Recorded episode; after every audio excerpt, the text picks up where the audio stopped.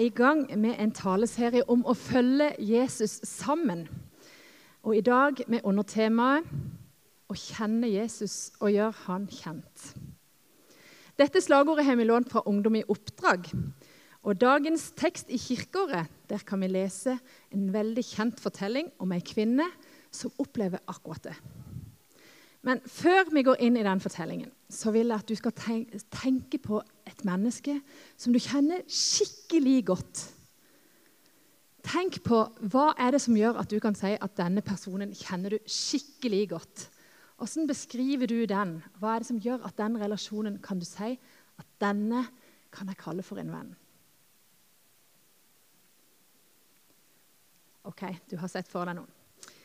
Når jeg satte meg ned med denne her overskriften og denne teksten og denne talen, så var det første jeg begynte å tenke på, at jeg begynner med slutten. Det er det enkleste. Å gjøre han kjent. Da kan jeg lage sånn trepunktsstrategi. Sånn gjør du først, og så gjør du sånn, og så gjør du sånn. Eh, for, for, det var så mye vanskeligere å begynne med begynnelsen. Å kjenne Jesus. Hva er det som gjør at du kan si at du virkelig kjenner noen? Hvis jeg f.eks. beskriver paven for deg, så tipper jeg at du vil sette han i kategorien fremmed, selv om du vet hvem han er. Hvis vi nå snakker om Daniel, vår nye ungdomsarbeider, så er kanskje han kommet opp i kategorien bekjent. Men hva gjør at, eh, at man klarer å flytte bekjent over i den derre 'jeg kjenner det'-kategorien? Og kan du si 'jeg kjenner Jesus'? Um, en av de definisjonene jeg fant når jeg begynte å lete etter hvordan vi definerer og kjenner noen, det var at det gikk veldig i ett med det å være venn. Og En definisjon på en venn det var altså, en av de var en person man kjenner godt og har et fortrolig forhold til. Og fortrolig igjen, det ble forklart med noen som du betror deg til. Og så Etter en stund så gikk det opp for meg at å kjenne noen det forteller kanskje ikke mest om meg som subjekt, men om den andre som jeg kjenner. Hva den gjør med meg i møtet mellom oss, i vår relasjon. Tar han imot meg? Får jeg være meg sjøl? Tåler han meg? Inkluderer seg? Kanskje til og med om jeg er på ringelista hans hvis det er noe han trenger hjelp til. Ikke sant? Da er jeg trygg nok til å dele noe av mitt mest fortrolige, og jeg får komme litt på innsida hos den andre. Er Jesus en bekjent for deg, eller er han en venn? Jeg gikk til Wikipedia, og når jeg søkte opp Jesus på Wikipedia, så fant jeg at, han, at alle er enige om at han var en jødisk taler, en religiøs leder, han var hovedpersonen i verdens største religion. Han var en historisk skikkelse, og han ble korsfesta. Så langt sånne ytre beskrivende faktasetninger. Men så endra karakteren seg litt på Wikipedia. Så sto det at etter kristen tro steg han opp fra de døde, ble han født av en jomfru, var han Guds sønn, gjorde han under.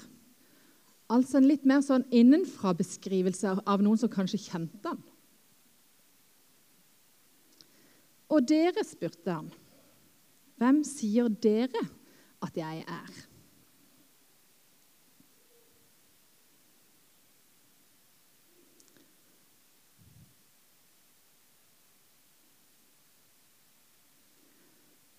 skal dere få se en liten snutt fra en alfafilm. For alfa er et av de eh, verktøyene vi bruker her i menigheten for å gjøre Jesus kjent. Vi må ha lyd. Arguably the most famous person in history. He is arguably the most famous person in history. Over 2 billion people claim to follow him. That's one third of the world's population. He's represented in art and literature more than any other figure. Time magazine called him the most influential person who has ever lived. But who is Jesus?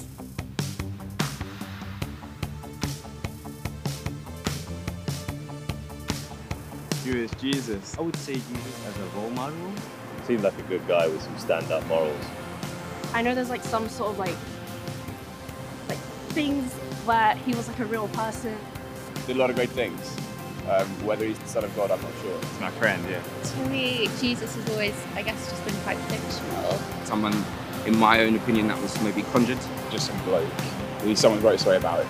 saved us from our, from our sins, isn't he? A good man, prophet. I think Jesus is a lovely guy.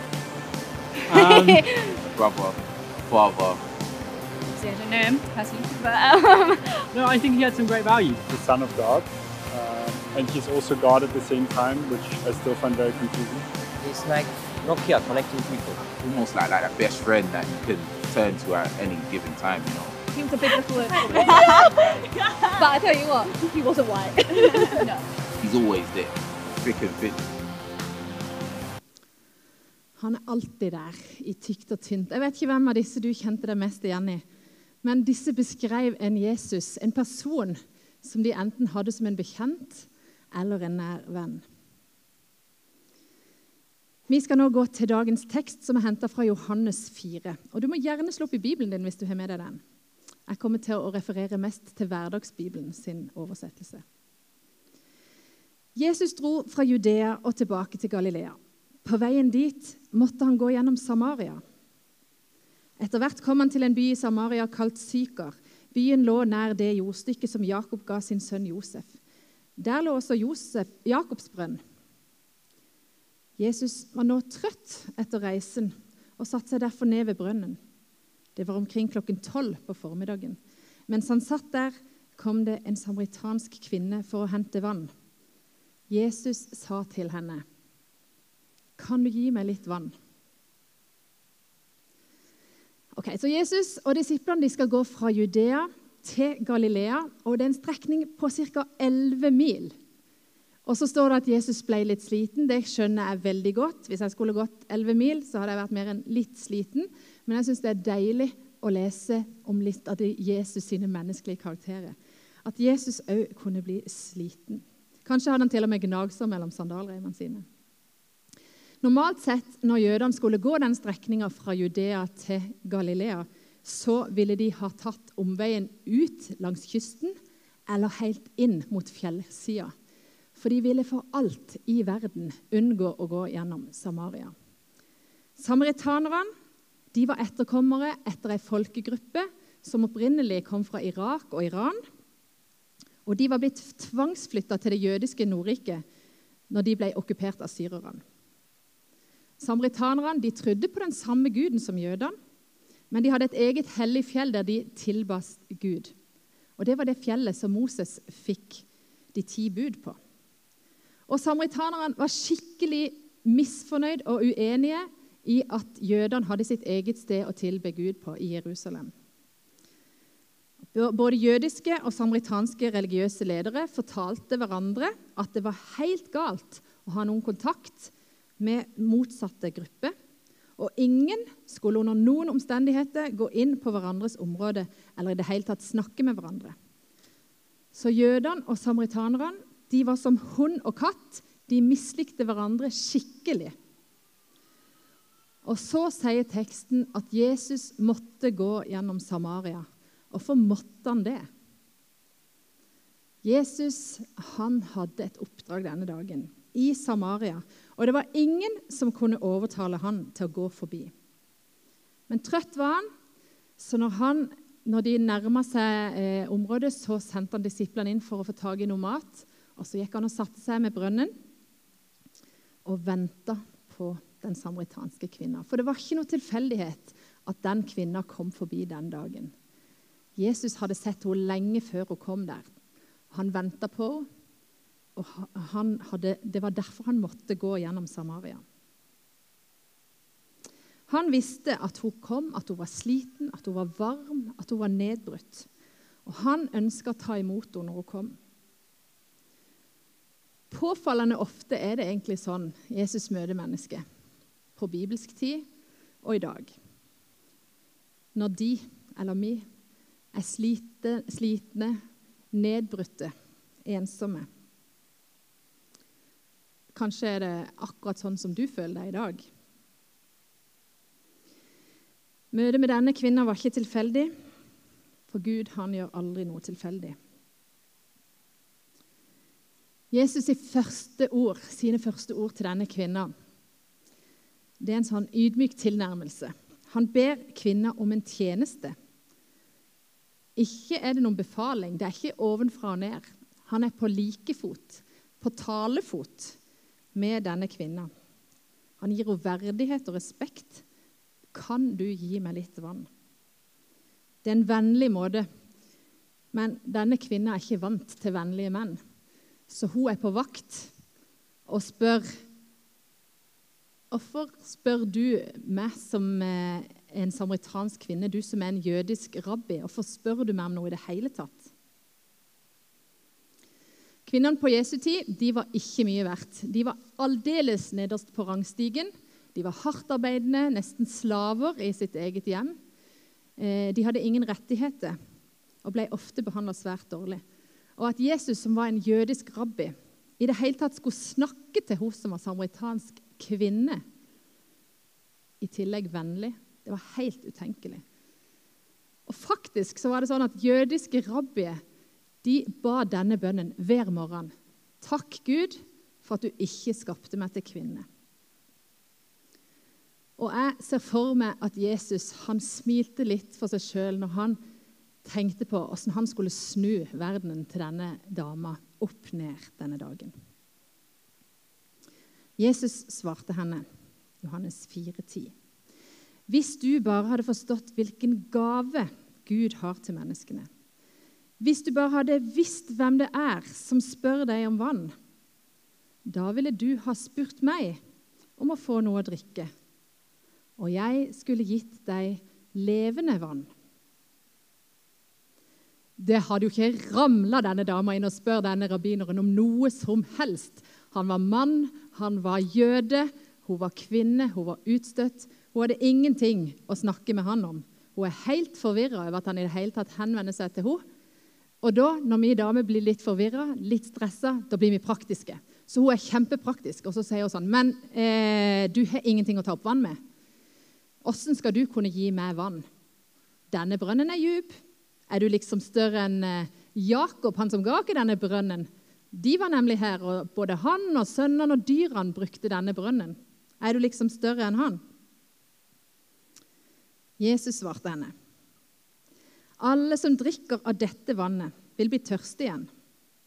Men den som drikker av det vannet som jeg gir, skal aldri bli tørst igjen. Dette vannet vil bli i menneskets indre som en vannkilde og det skal strømme vann fra denne kilden som gir evig liv. En vannkilde. Evig liv. Det er som om kvinner tenker med seg sjøl at hvorfor i huleste spør du meg om vann hvis du har din egen kilde med levende vann som aldri tar slutt? Og det kan jeg forstå at hun tenker. Men hun er jo fortsatt praktisk, så hun tenker det høres jo digg ut. Jeg sier ja takk. Gi meg gjerne dette vannet, så jeg kan slippe å komme her og hente vann på ny og på ny hver dag i denne varmen. Men vannet som Jesus kommer for å tilby, det vil gjøre mye mer for denne dama enn en praktisk endring. Denne kilden vil rense, frelse, tilgi, møte med nåde, veilede, trøste og hjelpe. Og alltid når livets vann eller levende vann brukes som begrep i Bibelen, så peker det på noen av disse tingene. Gud, frelsen, Den hellige ånd, som, som kommer med mange av disse tingene som jeg nevnte nettopp. En kilde den går ikke tom. Den møter behov dag etter dag. Den er nok til å deles fra. Den betegner noe friskt og en ny start. Og ordet som brukes, hørte jeg om levende vann, eller denne kilden det beskriver en slags fontene. Og Når du ser for deg en fontene, så spruter det litt sånn uhemma, ustyrlig. Det bare, det bare flyter over, liksom. Og Hvis du tenker at det er det Jesus tilbyr, så sier det noe om at denne kvinna skal få tilgang til noe helt nytt. Og hun får det som et valg. Det er ikke påtvunget. så endrer samtalen seg litt. Jesus sier, 'Kan du gå og hente mannen din?' Da svarte hun, 'Jeg har ingen mann.' Jesus sa, 'Du har rett, for du har hatt fem menn, og den mannen du har nå, er ikke din mann. Du har svart ærlig. Jesus ser denne kvinna. Han som vet alt om henne. Han ønsker hos sin ærlighet. Det står ingenting om årsaken til at denne dama har fem havarerte ekteskap bak seg. Kanskje har hun blitt kjempedårlig behandla, kasta ut. Og den eneste måten for denne dama å overleve på, var å få en ny mann som kunne forsørge henne. Det var sånn at Ingen kvinne kunne gå fra mannen sin, men mannen kunne kaste kvinna på dør hvis han hadde fått litt lunka middag. Jesus spør ikke denne dama om forklaring, men han anerkjenner at hun svarer ærlig. Jeg tror vi har forstått at Jesus ikke var hvem som helst. At det ikke var vits å prøve med en bortforklaring, for da fortsetter hun. Jeg forstår at du er en profet. Kanskje du kan forklare hvorfor dere jøder vil at man skal tilbe Gud i Jerusalem? Forfedrene våre brukte å komme en tid da dere ikke Forfedrene våre brukte å tilbe på dette fjellet. Jesus svarte henne, Kjære deg, tro meg når jeg sier at det vil komme en tid da dere ikke trenger å diskutere om dere skal tilbe Gud her på fjellet eller i Jerusalem. Problemet er at dere ber til en Gud dere ikke kjenner. Vi ber til en vi kjenner. Guds redning for menneskeheten kommer fra jødene, men nå er tiden inne for en sann tilbedelse fra menneskenes hjerter. Gud, vår Far, leter etter dem som inderlig og av oppriktige hjerter ønsker å tilbe Ham. Gud er ånd, og de som tilber Ham, må tilbe Ham ærlig og oppriktig. Eller i ånd og sannhet, sånn som det står i Bibelselskapet sin oversettelse. Og plutselig så har Jesus og den samaritanske kvinna gått fra å snakke om vann via de brutte relasjonene til å snakke om ærlig og oppriktig tilbedelse. Kvinners ærlighet blir brukt som eksempel på hvordan Gud ønsker å bli tilbedt ærlig og oppriktig. Uten fokus på form, farge, tid, sted, sosial status eller vellykkethet, men med fokus på oppriktige hjerter som ønsker å tilbe Han. Vi har sagt i Østsida at vi ønsker å bli en mer lovsyngende menighet. Hvorfor har vi det? Er det fordi vi har fått inn en veldig flink fyr på gitar? Ikke bare, i hvert fall. Vi ønsker at vi skal være en menighet der vi kan komme med hele livet. Der vi kan løfte våre oppriktige hjerter i ærlig i ærlighet til Gud. Bekjente snakker på overflaten. Venner er ærlige med hverandre. Åssen er din relasjon til Gud? Som en bekjent eller som en venn? Jesus møter deg i dag med sitt levende vann for en ny start, for han kjenner det. Men kjenner du hans sitt hjerte for det? Lar du deg berøre av hans levende vann?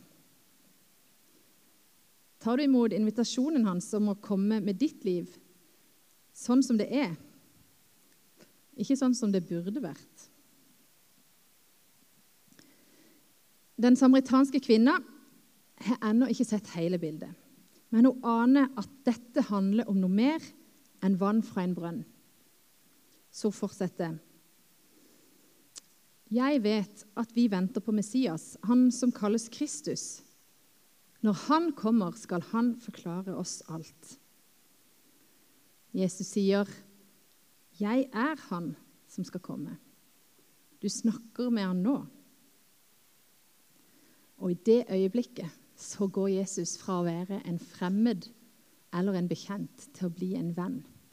Jesus har aldri fortalt noen offentlig før at han er Guds sønn. Og så velger han seg denne kvinna helt nederst på rangstigen for å fortelle hvem han er. Fordi han skjønner at hun trenger en trygghet, en fortrolighet, når hun har delt noe av sitt aller innerste. Og kvinna blir så berørt. Av fontener med levende vann som bare bobler og flommer over. At hun springer inn i byen og glemmer hele vannkrukkene som hun har gått så langt for å hente. Og så står det at hun sier til alle hun møter Kom og se! Jeg har truffet et menneske som har fortalt meg alt jeg har gjort. Er det mulig at han kan være den Kristus vi har venta på? Folk ble grepet av det hun sa, og gikk ut av byen for å møte denne mannen. Denne nedbrutte, ensomme kvinna nederst på rangstien hun blir en frimodig misjonær i sin egen hjemby. Hun har blitt sett, hun har blitt møtt, uten fasade, for den som hun er, og den hun kan forbli i møte med Mesteren. Hun planlegger ikke noen misjonsstrategi før hun springer inn, men hun bobler over av begeistring etter møtet med Jesus. Hun forteller om sine erfaringer, og så peker hun i retning av Jesus. Hun har fått blitt kjent med han som allerede kjenner hun. Og nå skal hun få gjøre han kjent. Det er en helt naturlig konsekvens av møtet med Jesus.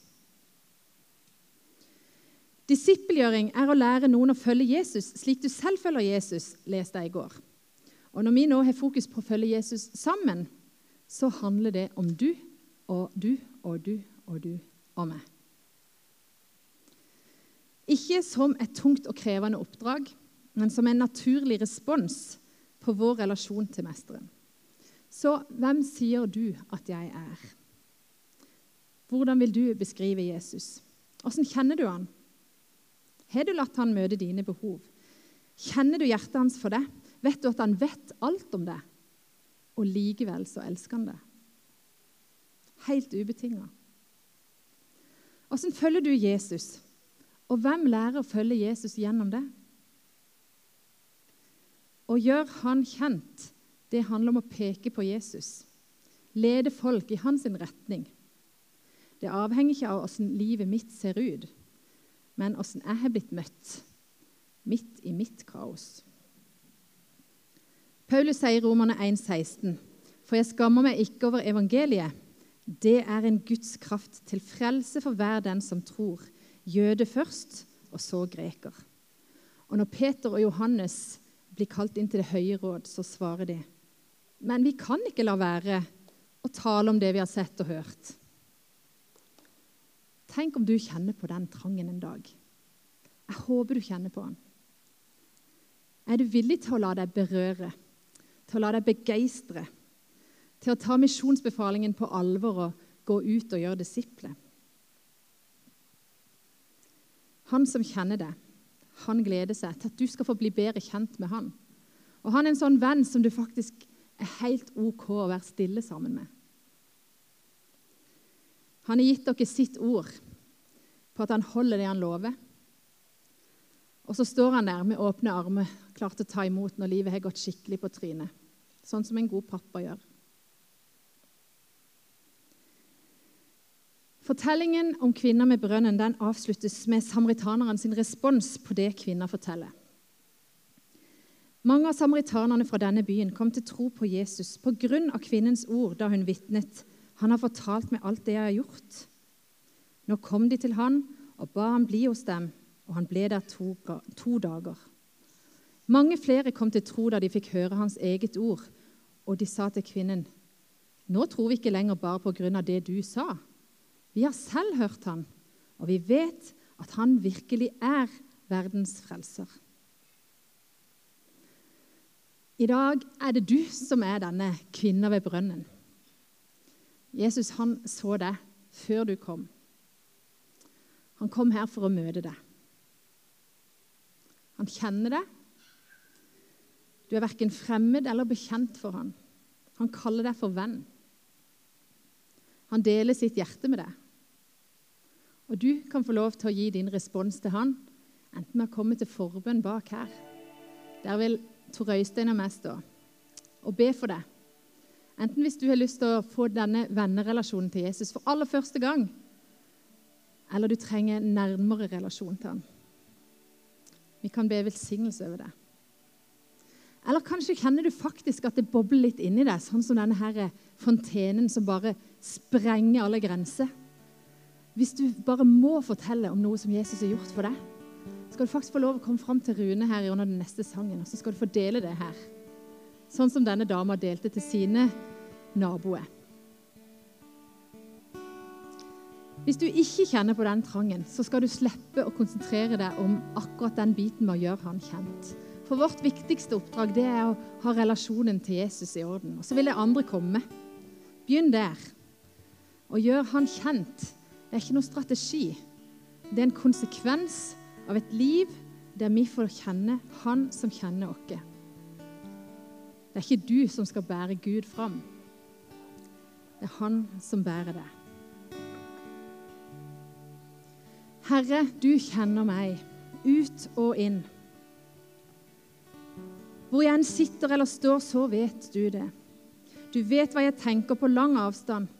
Mitt liv og måten jeg lever på, blir gransket av deg.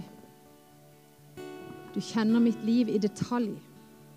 Ikke ett ord kommer på min tunge uten at du fullt og helt vet hva jeg skal si. Du omgir meg både bakfra og forfra og du har lagt din hånd på meg. Dette er for underfullt for meg å forstå. Det er for høyt til at jeg kan fatte det. Hvordan kunne jeg komme bort fra din ånd? Eller hvordan kan jeg flykte fra ditt blikk og ditt nærvær? Om jeg kommer opp til himmelen, så er du der. Kommer jeg ned i dødsriket, da er du der også tok jeg på meg vinger og fløy dit solen stiger opp av havet om morgenen, ved havets ytterste grense. Selv der skulle din hånd lede meg og holde meg fast. Om jeg skulle si, sannelig, la mørket dekke meg, så er selv mørket ikke mørkt for deg. Natten skulle være lys som dagen rundt meg. Mørke eller lys gjør ingen forskjell for deg, for det er du som eier meg. Du har skapt meg i min mors liv. Jeg vil lovprise deg, for du har skapt meg som et underverk. Det du gjør, er mirakuløst, og det vet min sjel så vel. Mitt skjelett var ikke skjult for deg da jeg tok form i det skjulte og kunstferdig ble dannet i min mors mage. Allerede som et foster så dine øyne meg. Og de dagene som du hadde planlagt for meg, var alle skrevet ned i din bok.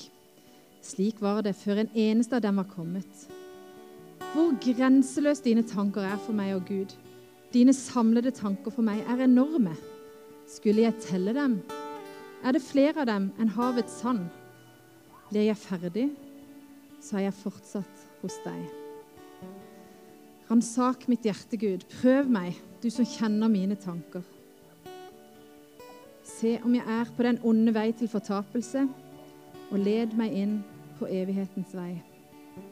Amen.